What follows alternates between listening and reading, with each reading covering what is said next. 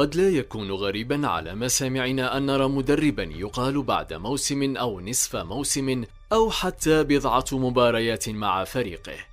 لكن أن يقال مدرب بعد عشر دقائق فقط من توليه المسؤولية فهذا أمر لم نسمع به على الإطلاق. تعود الواقعة لعام 2007 وبطل هذا الحدث الغريب هو المدرب ليروي روزينيور. والذي تم إبلاغه بتولي مسؤولية تدريب نادي توركواي الإنجليزي.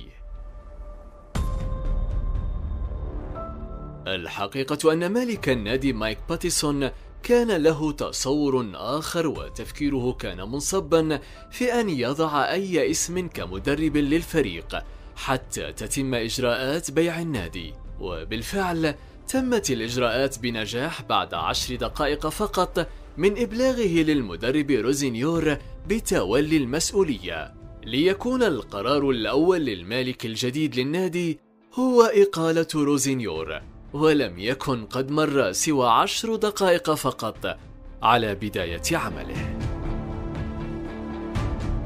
كان هذا في بودكاست حديث المدرجات إلى حلقة قادمة.